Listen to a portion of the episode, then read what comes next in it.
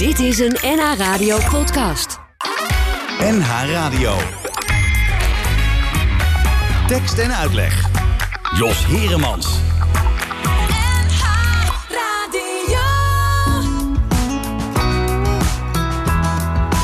Half verblind door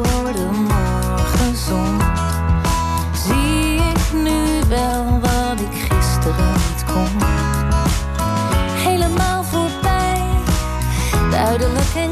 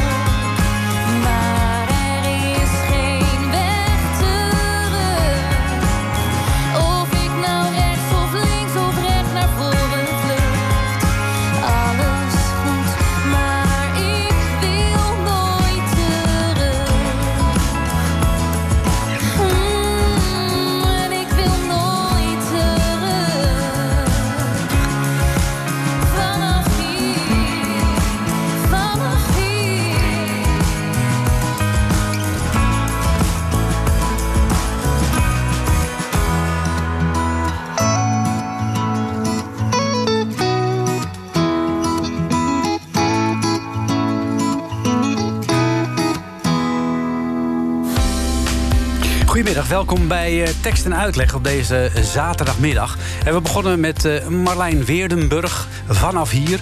En eh, vanaf hier eh, gaat Marlijn Weerdenburg ook weer de theaters in met haar eh, liedjesprogramma.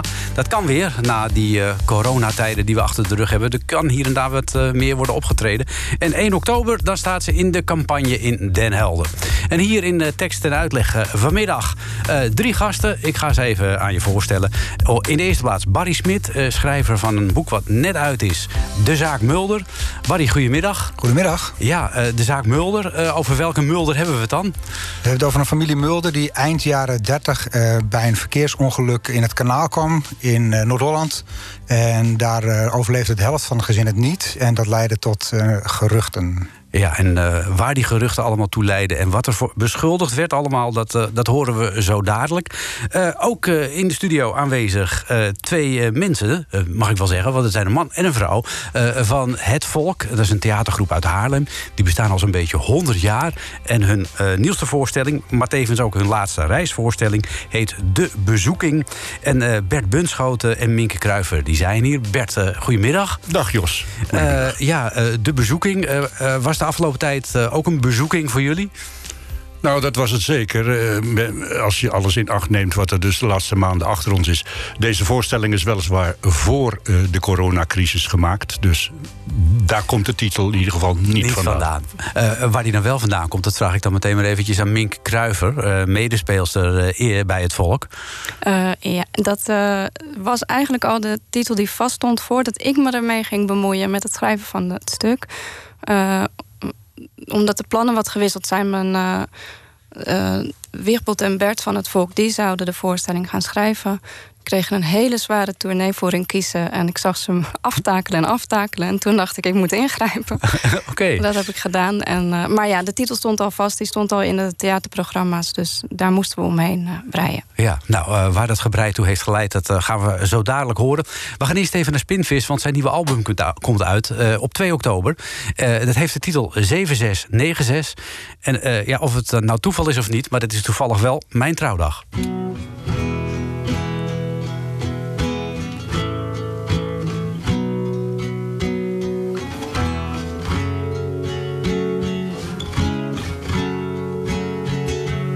Vannacht was ik in het huis, het huis. Vannacht het vuur was zojuist gedoofd.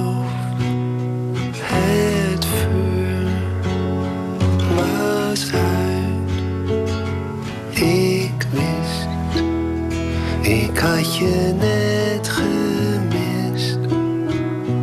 Ik wist vannacht nog net. Rook ik je sigaret.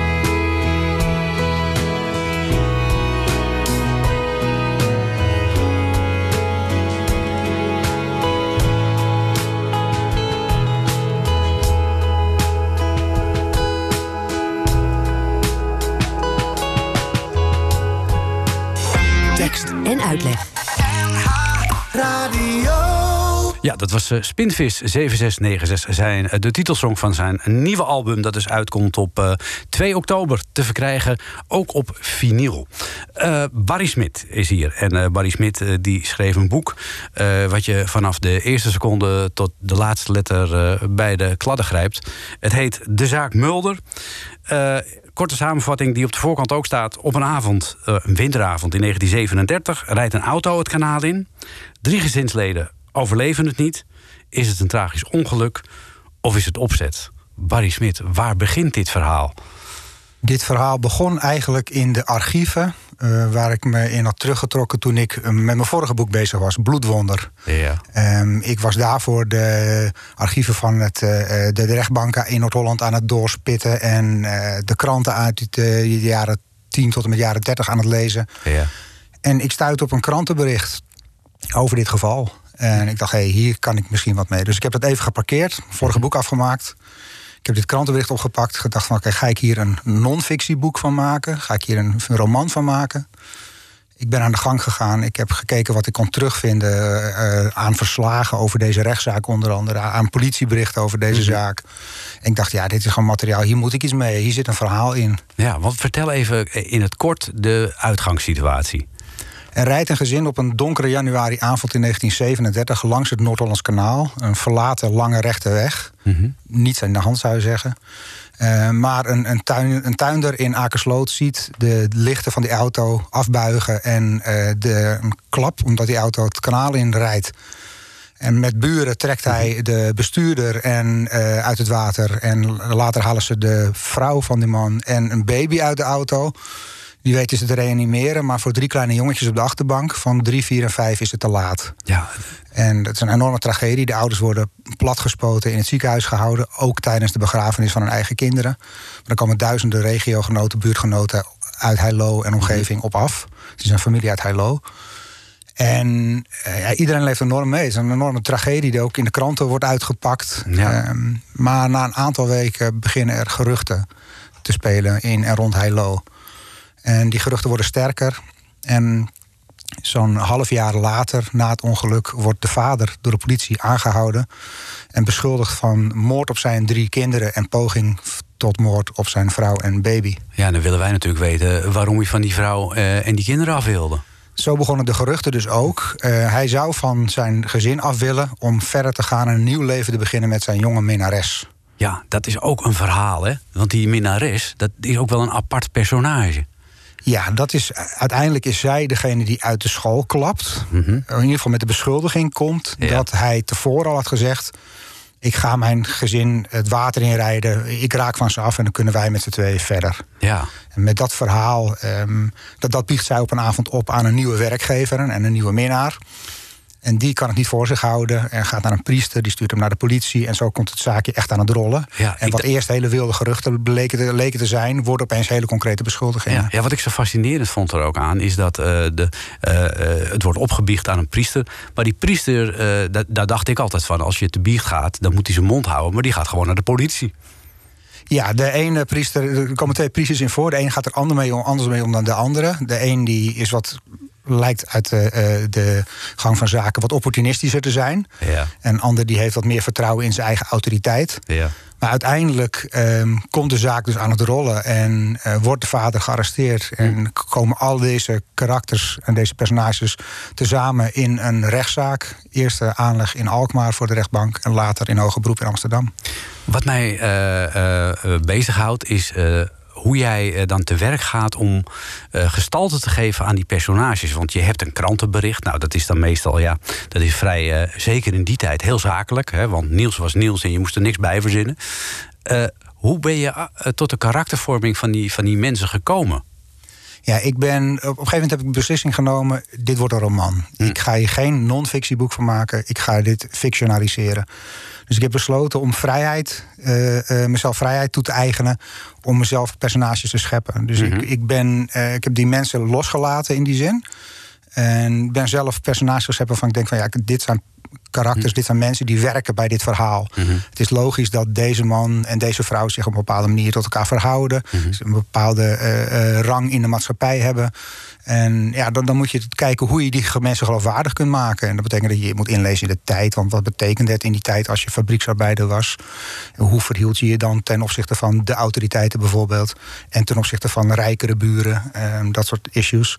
Ja, en dan, dan ga je karakters opbouwen en je probeert ze een stem te geven, een geloofwaardige stem te geven. Ja, en ben je ook nog gaan kijken dan naar de plek waar die man eventueel eh, en, en, en die minnares gewoond zouden kunnen hebben? Ja, ik ben wel iemand die echt alle plekken die in een boek voorkomen fysiek bezoekt en daar gaat zitten. En eh, je, je kunt eigenlijk heel veel research doen eh, vanuit, vanaf het bureau. Je kunt Google Maps pakken en Street View en in die zin overal komen. Ja.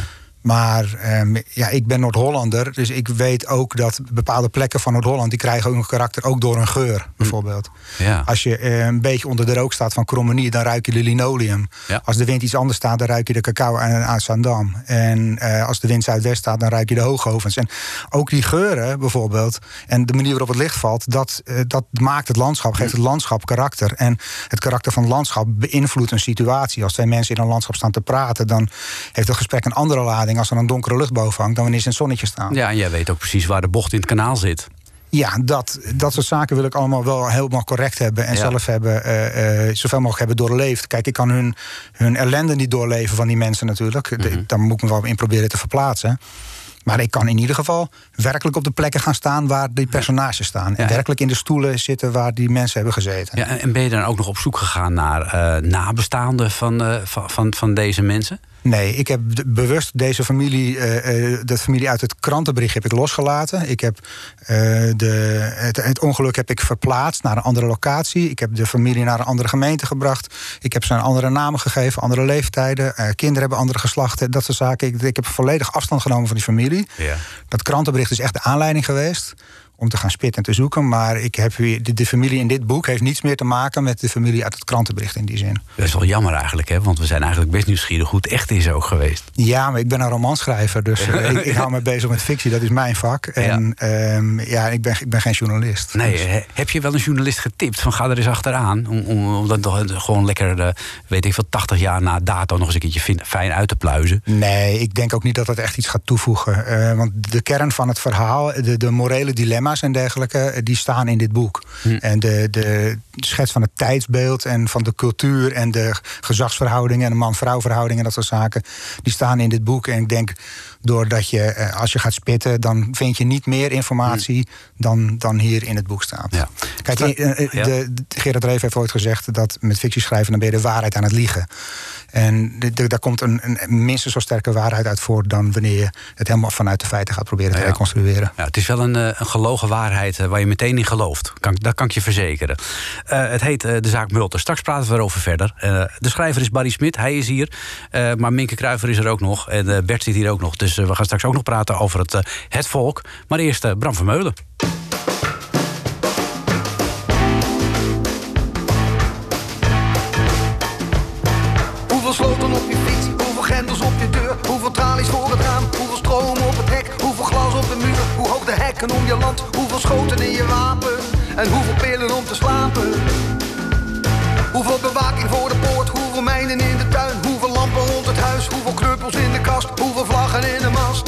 en hoeveel rollen prikkeldraad.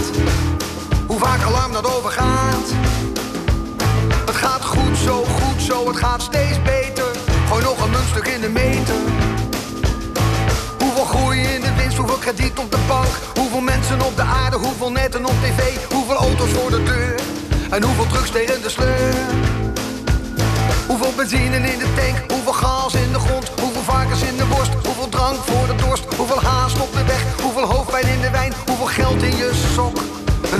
alcohol per slok. Het gaat goed zo, goed zo, het gaat steeds beter.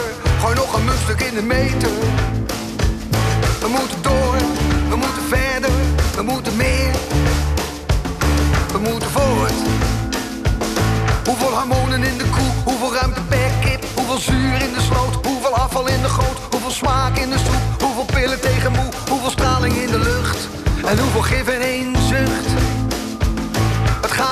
zo, goed zo, het gaat steeds beter.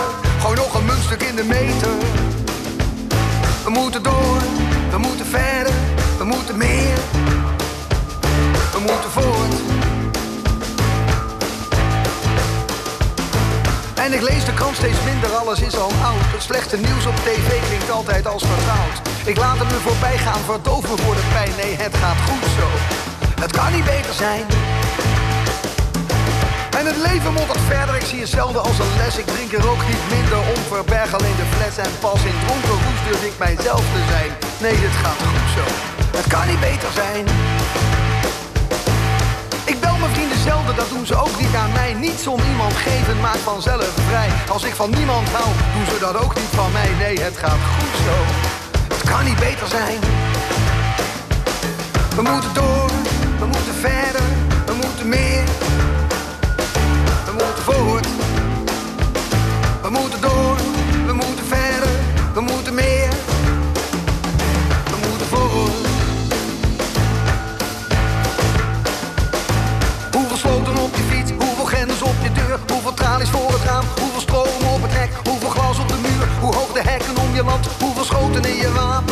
En hoeveel pillen om te slapen? Hoeveel bewaking voor de poort? Hoeveel mijnen in de tuin? Hoeveel lampen rond het huis? Hoeveel knuppels in de kast? Hoeveel vlaggen in de mast? En hoeveel rollen prikkeldraad? Hoe vaak alarm dat overgaat? Het gaat goed, zo goed, zo, het gaat steeds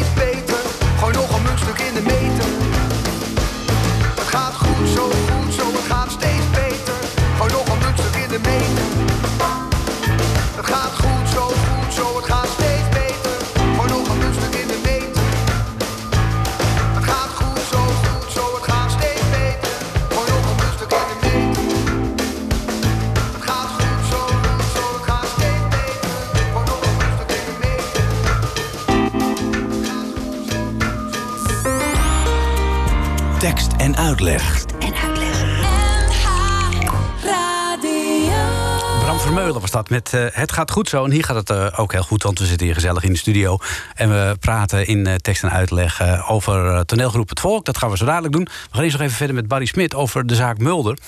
Eh, je schrijft het boek, eh, Barry, over dit eh, afschuwelijke drama, want dat mogen we wel zeggen.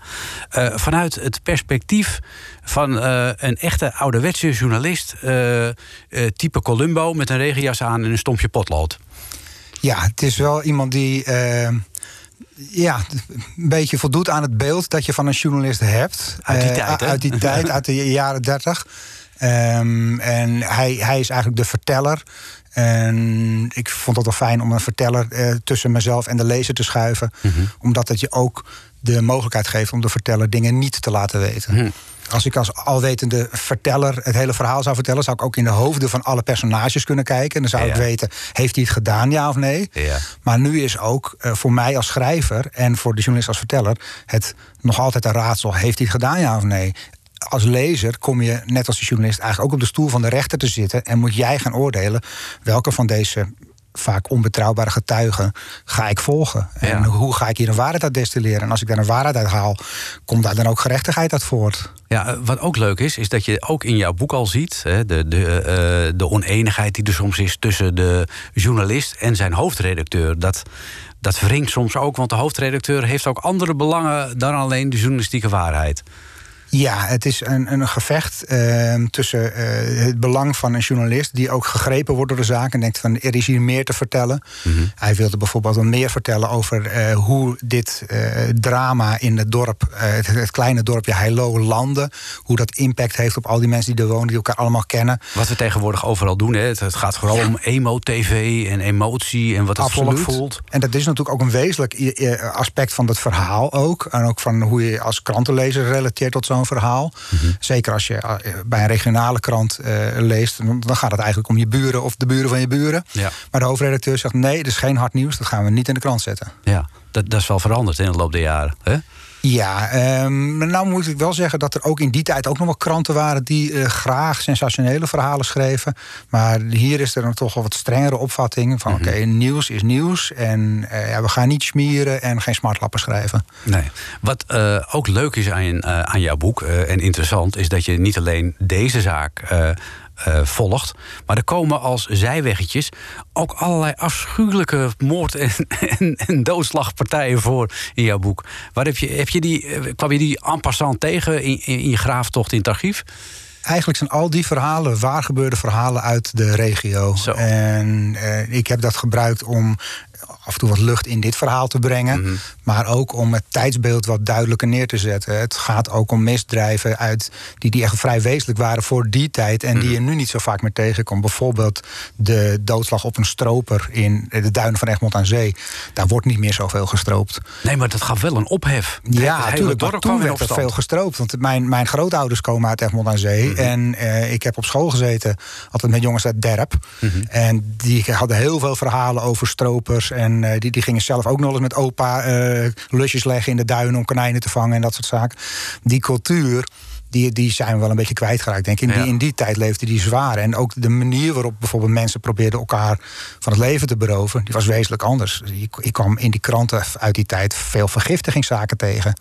Ja, dat zit er een hele mooie ook in. Ja, en, maar dat, dat was echt iets uit die- in ieder geval die tijd. Ehm, en ik, tegenwoordig kom je dat toch iets minder vaak tegen. Waarschijnlijk door de, de, de toegenomen opsporingsmethoden en dergelijke. Maar Ja.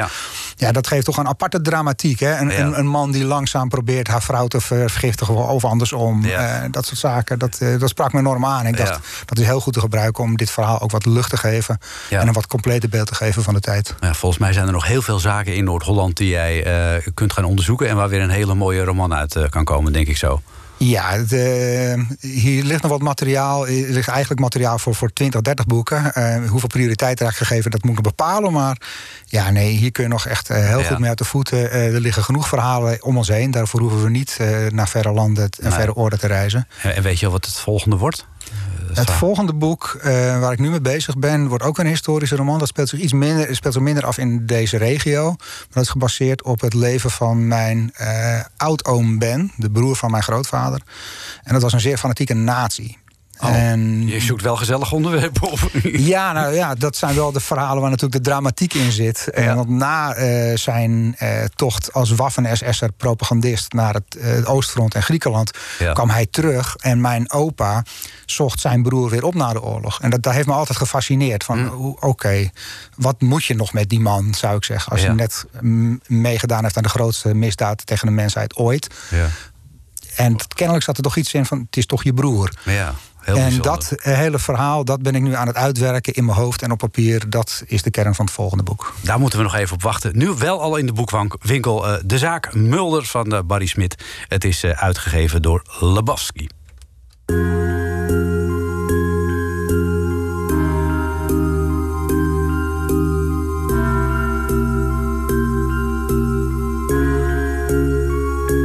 Kwart over negen, tafel geregeld. Net zoals toen, maar ik voel natigheid. Het is vaker geschreven, het is hier zo mooi in de regen. Maar ik ben bang dat dit niet overdrijft. Het regent in Parijs,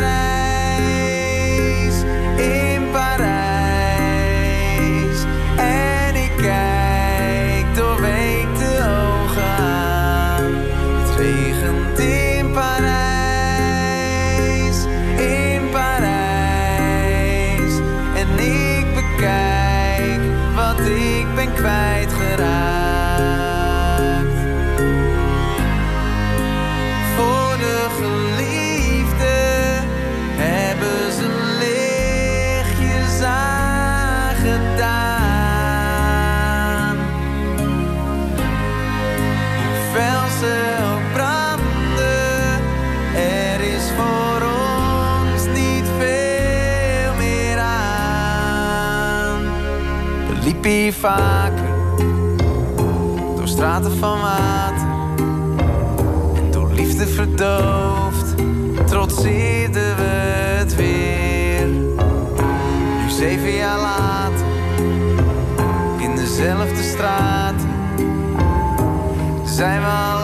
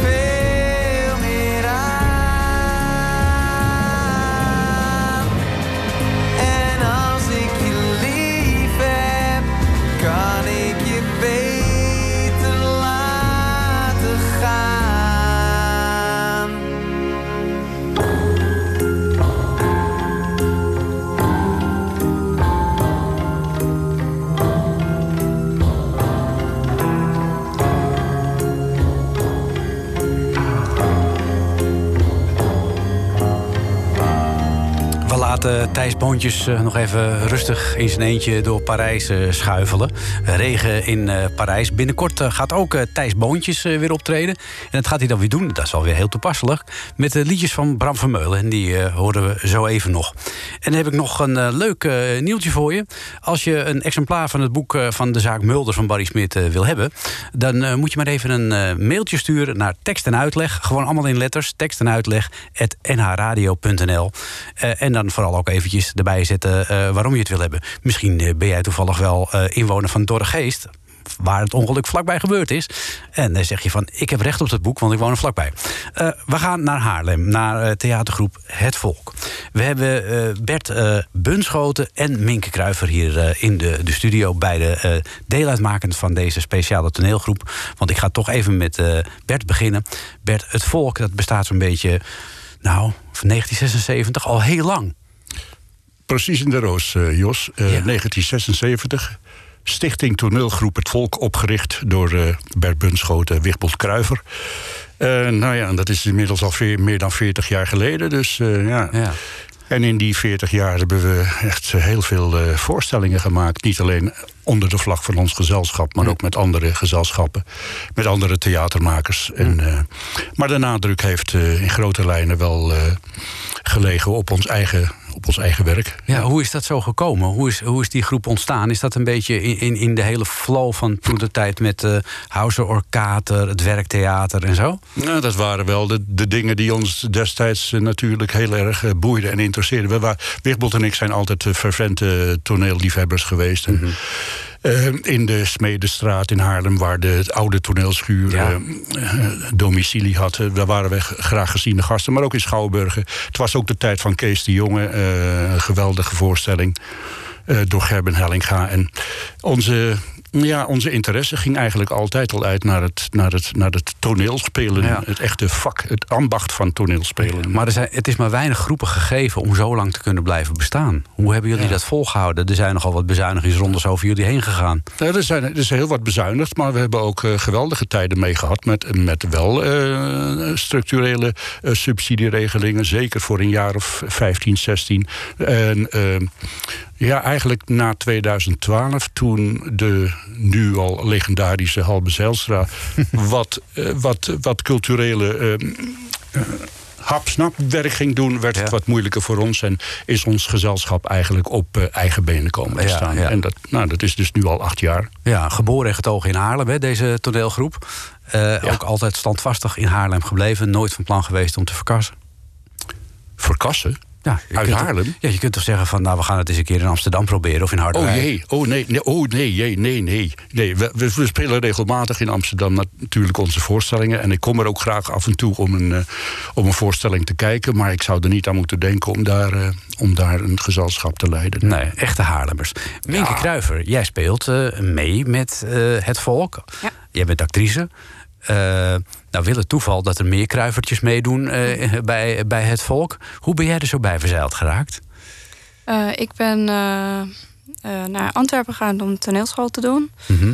En eigenlijk toen ik klaar was, waren Wigbold en Bert bezig een voorstelling te maken waarin ze nog wel een, een eh, jonge actrice zochten. En Ja. dat kwam precies zo uit en dat heb ik gedaan. Dat heb je gedaan meteen. Ja. want eh, eh, even, even, leg even uit wat jouw verhouding is tot de andere kruivers in ja, dit dus geval. Wigbold Kruiver is mijn vader. Ja, en dat was toen nog, de voorstelling trouwens, die we toen, de eerste die ik bij het volk deed, dat was Wat Niet Mag. En de broer van mijn vader, Joep Kruiver, die is ook altijd vast lid. Die is iets later erbij gekomen bij, na de oprichting van het volk, maar is wel altijd vast lid geweest. Ja. En dus En dan hebben we nog Carlijn Kruiver. Carlijn Kruiver doet ook mee in deze voorstelling, dat is mijn zus. Ja. Ah, Oké, dus het is een beetje, een beetje familietoneel ook.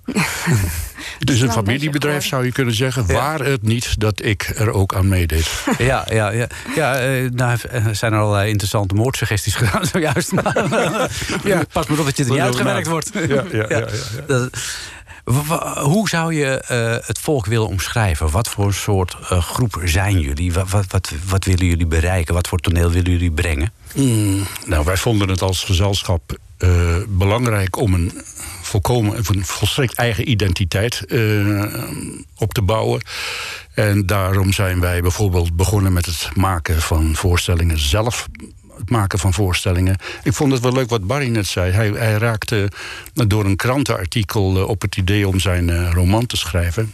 Zo raakte ik op, wel eens op het idee om een, om een voorstelling te maken... naar aanleiding van een krantenartikel. Dat ging over een... eh, over een een paar mensen die in een vakantiegondel in een wintersportgebied in Noord-Italië waren.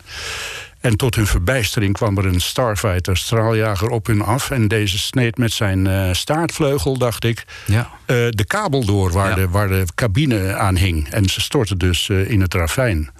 En die merkwaardige gebeurtenis van een, een straaljager op je af zien komen. En dan, ja, ik vond dat zo curieus. Toen hebben we daar een voorstelling omheen gemaakt over drie broers. eh, Drie zwagers, neem me niet kwalijk.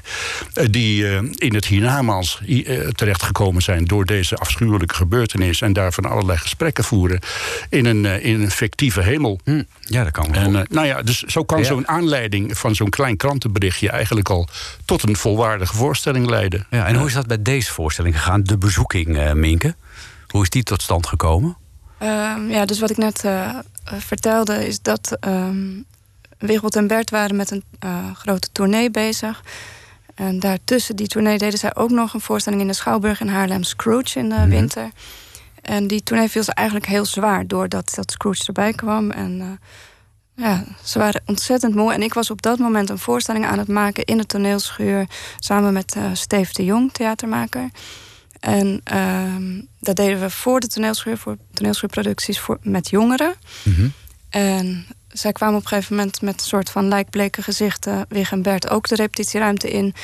En toen eh, riepen ze zoiets van: Hey, kunnen jullie voor ons niet ook een, Een verhaal voorstelling maken. schrijven? Ja, ja. En toen keken Steven en ik elkaar eigenlijk meteen aan van... het is misschien niet zo'n heel slecht idee. En eh, ja, dan willen we ook wel zingen, riepen ze nog. Oh, ook dat was ook niet tegen Dovermans oren gezegd. En eh, daar zijn we over gaan praten. En eigenlijk leek, eh, le- dat, dat samenwerken tussen mij en Steve ging goed. En we hadden zin om dat samen te gaan schrijven. En uiteindelijk hebben we dus... ehm, ja, was de titel, de bezoeking, die stond vast. En Ja. het originele idee van Wigbold en Bert was om een stuk te schrijven over twee mannen die in het ziekenhuis lagen en hun dochters die op bezoek kwamen. Nou, daar ging mijn eh, fantasie niet echt eh, van aan. Dus ik eh, zei tegen Steve, wat gaan we doen? En we waren met een opera bezig met die jongeren in de toneelschuur Naxos. En toen zeiden we, kunnen we niet een andere opera bewerken? Toen zei ik tegen Steve, weet je een opera die zich in een ziekenhuis afspeelt? Dat wist hij niet. Hij zei, ik weet wel, ja, de beroemdste opera over een stervende vrouw is La Traviata. Ja. Hij gaf mij het libretto voor mijn verjaardag. En daar hebben we iets omheen bedacht. Wat toch eh, een beetje bij het verhaal wat inmiddels al in de Schouwburgboekje stond. eh, ja, ja, waar dat een beetje op aansloot. ja. En, En wat zo- is, ja, wat is het verhaal geworden? Wat, wat, wat Ehm, zijn de hoofdpersonages in, in, in dit stuk? Ja, dat is ook leuk om te vertellen. Want de, de tournee die we daarvoor deden, dat was eh, God van de Slachting. En mijn vader, Wigbold, die heeft ontzettend last van ehm, eh, allergische reactie op bomen en huisstofmijt. Dus hij is buiten en binnen niet echt eh, goed af. Waar dan wel? Ja, precies. Maar in theaters is het dus vaak heel erg. Hij heeft ontzettende hoestaanvallen. Ja. En in dezelfde tournee eh, had Bert nogal eens last eh, van foutjes in de tekst. Of ik dacht, dus ik zei tegen Steve, we moet, daar moeten we iets mee doen. Dus we geven die je, oude, ene oude mannetjes. eh, weet je, lekker, le- lekker Bert. Ja, ja. twee mannen die in een sanatorium liggen. De een met ehm, ehm, eh, ja, eh, luchtwegproblemen. en eh, de ander met Korsakoff. Oh, Oké. Dus ze kunnen hoesten en vergeten wat ze willen. Dat valt allemaal niet op in deze voorstelling. ja. En die twee mannen die, die liggen dus in een sanatorium. En een van de twee is een, een oude man uit het operavak, uit de operawereld. En die ze, de andere is een volkszanger. Ah. En ze ontmoeten elkaar en ja, die, die een zegt van ik, ja, het mooiste uit La Traviata, of de mooiste opera die ik ooit heb gezien of eh, gehoord Ja. eigenlijk, was La Traviata. En dan zegt de operaman van, oh, maar dat had ik ooit zo graag willen maken, maar het is er nooit van gekomen. Gekomen, ja. En ja. samen gaan ze dat verhaal eigenlijk Ja. maken. Ben jij van de Korsakoff of ben jij eh, van de luchtwegproblemen, Bert? Ik, ik ben eh, van de Korsakoff. Oké. Het, wat, wat, wat Minke en Steve mooi in elkaar gesleuteld hebben... is dat gaandeweg die voorstelling zich eh, ontwikkelt... dat de, de werkelijkheid van die twee mannen die in een fictief eh, sanatorium zitten... in de laatste fase van hun leven, zijn echt hele erge patiënten... heeft verder niks met corona te maken... eh, dat de werkelijkheid van dat sanatorium en de, het spel van de opera... dat dat steeds meer in elkaar gaat vloeien. En eh, eh, het wordt echt één het wordt één ding. Meer, eh, De opera en, en, en, en het sanatorium worden één gegeven. En dat maakt deze voorstelling echt heel mooi Ja. om naar te kijken en te luisteren. Want het is dus een toneelvoorstelling met muzikale ingrediënten. En die laten we nu horen.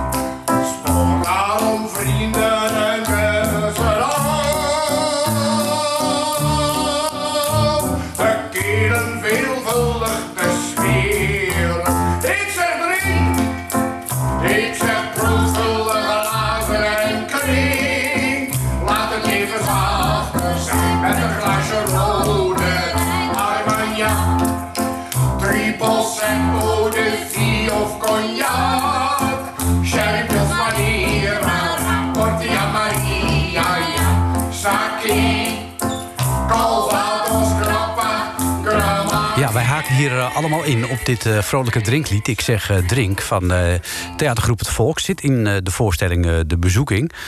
Jij zei net, Bert, muziek maakt wezenlijk onderdeel uit van deze voorstelling. Ehm, dit lied, is dit speciaal voor gelegenheid gecomponeerd... maar ik herken er toch ook wel wat opera-achtige dingetjes in.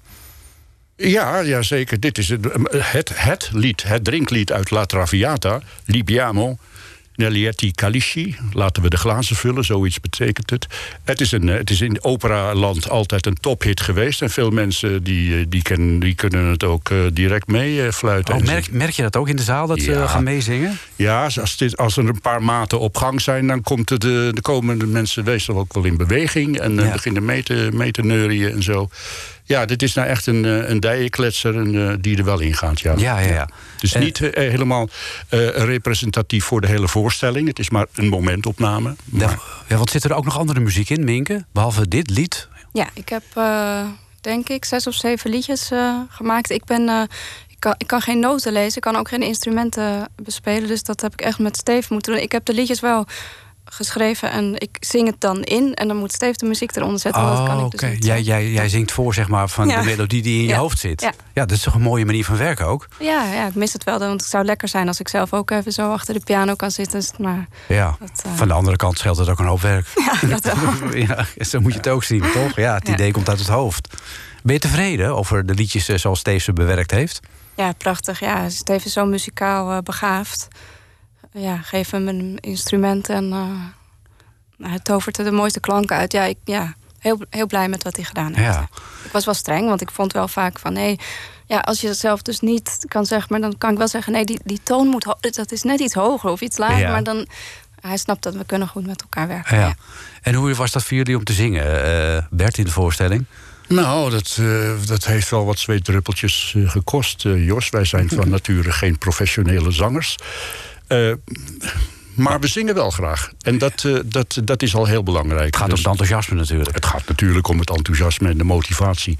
Eh, met, met het repeteren met Steven en met Minke in een apart zaaltje met piano... is er langzaam maar zeker toch een, een acceptabel product ontstaan. Laat Ja. ik het zo maar zeggen. Ja, en het is natuurlijk ook zo. Je zingt in de rol van een, eh, van een oude man. Precies. eh, waarbij jij dan Korsakov hebt. Dus Ja. je, af en toe, als je je tekst kwijt bent, neemt niemand je dat kwalijk. Precies. Daar kun je natuurlijk geen vocale hoogstandjes van verwachten. Nee, nee, nee, nee, precies. dat is ook zo. Ja, Eh, jullie zeggen in je, zeg maar je persbriefing en in je berichten naar buiten toe... de bezoeking is de laatste reisvoorstelling van toneelgroep Het Volk. Gaan jullie ermee ophouden? Nou, we- je, je moet weten, wij trekken dit karretje van Stichting Toneelgroep Het Volk al zo'n kleine 45 jaar. Eh, mijn collega Wigbold Kruiver die gaat naar de 70. Eh, ik zelf ben een stuk jonger. Ik eh, word eh, 69 eh, komende ma- maand. Ja. Maar wij moeten op een gegeven moment zeggen van ja, we gaan het wat rustiger aan doen. We, we hebben altijd lange tournees gehad, 80, 90 à 100 voorstellingen. De meeste tijd gaat op aan in de file staan. En we begonnen dat laatste eigenlijk een beetje zat te worden. Dus we gaan dat reizen afbouwen en af en toe nog wel een incidentele voorstelling. Die Ja. blijven we wel maken, ja. Ja, maar maar niet dan op reis. Gewoon in, lekker in Haarlem. Lekker in de toneelschuur in Haarlem. Ja, en Minke, eh, ga jij het stokje overnemen van eh, jouw voorgangers? Word jij nu de vaste leider van eh, het volk? Ja, dat wordt vaak gevraagd, maar ik, eh, ik denk het niet. Het volk is zo, dat zijn echt Wigpot en Bert. En inmiddels dus zonder Joep. Maar dat, dat, die mannen, dat, ja, dat is zoiets eigens. Dat kunnen, ik en mijn zus kunnen dat niet echt eh, evenaren. Ik ben heel blij dat het gelukt is om deze voorstelling te schrijven. En dat, de, dat ik de- ja, de, de dingen die ik erover terugkrijg... dat ik altijd wel hoor, het is echt een volkvoorstelling. En daar ben ik heel trots op. Dus ik denk wel dat ik dat stuk ergens een beetje weet te benaderen. Maar in de theaters, ja... Het gaat om die mannen. En we, we zijn er inmiddels aan gewend dat, dat mijn, zus en ik dat, dat we een leuke bijkomstigheid zijn. maar Maar, eh, jullie zijn niet het volk. wij zijn niet het volk. Het en dat is ook eh, niet echt wat ik, eh, nou, wat ik nastreef. Nee. Maar ik ben ontzettend trots. Ze doet dat- zichzelf natuurlijk tekort met een leuke bijkomstigheid. Want ze zijn veel meer dan dat, eh Minke en haar zus Carlijn. Maar eh, er zit natuurlijk wel iets in eh, wat ze zegt... van het is lastig om die trein te gaan Ja. trekken... Als, eh, ja, ja, goed, als wij er eh, niet meer aan meedoen. Nee. Ja. Nee, Nou. ik weet ook zeker als, als wij met z'n tweeën een voorstelling onder de naam van het volk zou zijn, dan zouden toch veel mensen ja, dat, Ja. dat te veel missen. Ja, die zeggen dan, we zijn die mannen. Ja. Ja, precies. Eh, we gaan jullie ook missen, want eh, de uitzending eh, loopt op zijn eind. De voorstellingen, overigens, van de bezoeking... die zijn te zien op eh, 4 oktober in de Kaasfabriek in Wormer. Hartstikke leuk theater. Theater Het Postkantoor in Bovenkarspel, ook al zo leuk. Dat moet ik ze allemaal leuk vinden natuurlijk. Schouwburg de Meersen, ook niet te versmaden. Op eh, 5 november. 6 november Theater Koningsduin. Oh, die is ook heel leuk in Castricum. En om maar te besluiten met eh, 15 november... dat is dat pittoreske theatertje De Luifel in Heemstede. Bert, dankjewel. Minke, dankjewel. Barry, dankjewel. Wij gaan luisteren naar, eh, tot slot naar eh, Marloes Lazal. Eh, zij vond de verjaardag van Leonard Cohen. Die is inmiddels overleden, maar hij eh, was 21 september eigenlijk jarig. Zo eh, ja, indrukwekkend, toch nog steeds, dat ze dacht, weet je wat, ik schrijf een lied over hem. En dat laten we nu horen.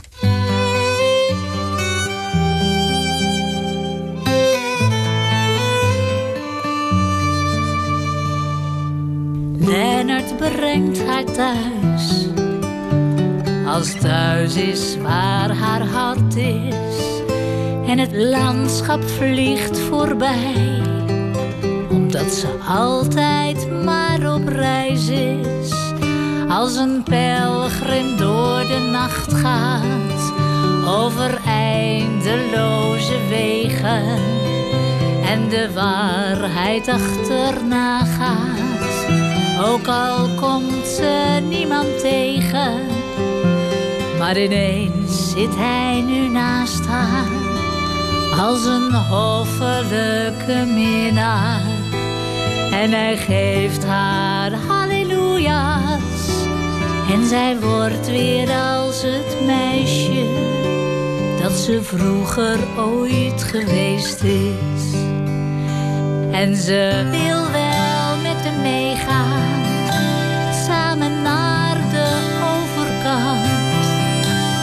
ze moet hem wel vertrouwen, want hij houdt al haar dromen in zijn hand.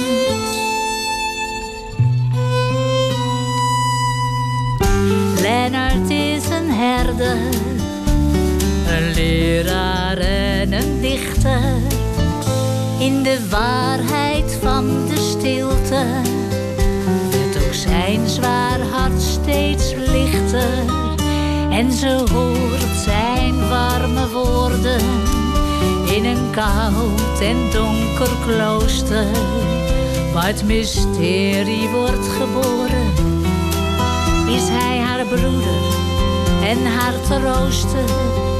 Hij zingt heel nu maar je wonden. De genade is gevonden en met zijn lied zacht op haar lippen. En de pijn nog in haar lichaam. Wordt alles langzaam helder. En ze wil wel met hem meegaan. Samen naar de overkant. En ze moet hem wel vertrouwen. Want hij houdt al haar dromen in zijn hand.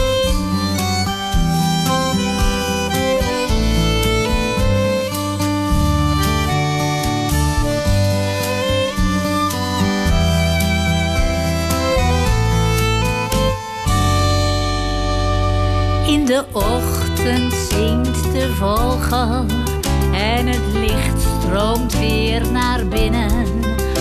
Isaac hoefde niet dus laat nu het feest beginnen. Alle gasten zijn hier welkom. Er is een kleine Spaanse dichter en tien wonderschone vrouwen. En de wals maakt ze steeds lichter als Lennart ze lachend opschrijft. En ze wil daar graag in opgaan,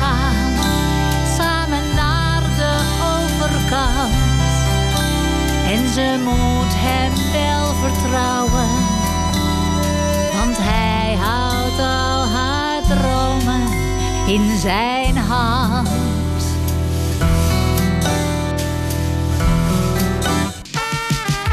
Ja, gezellig. En dan zit het er alweer eh, op deze zaterdag, deze tekst en uitleg. Eh, voor het boek van eh, Barry Smit, stuur een mailtje naar uh, tekst en uitleg.nhradio.nl. Straks na zessen, Ferdy Bolland met het Gouden Hits Museum. En ik wens je nog een gezellige zaterdagavond.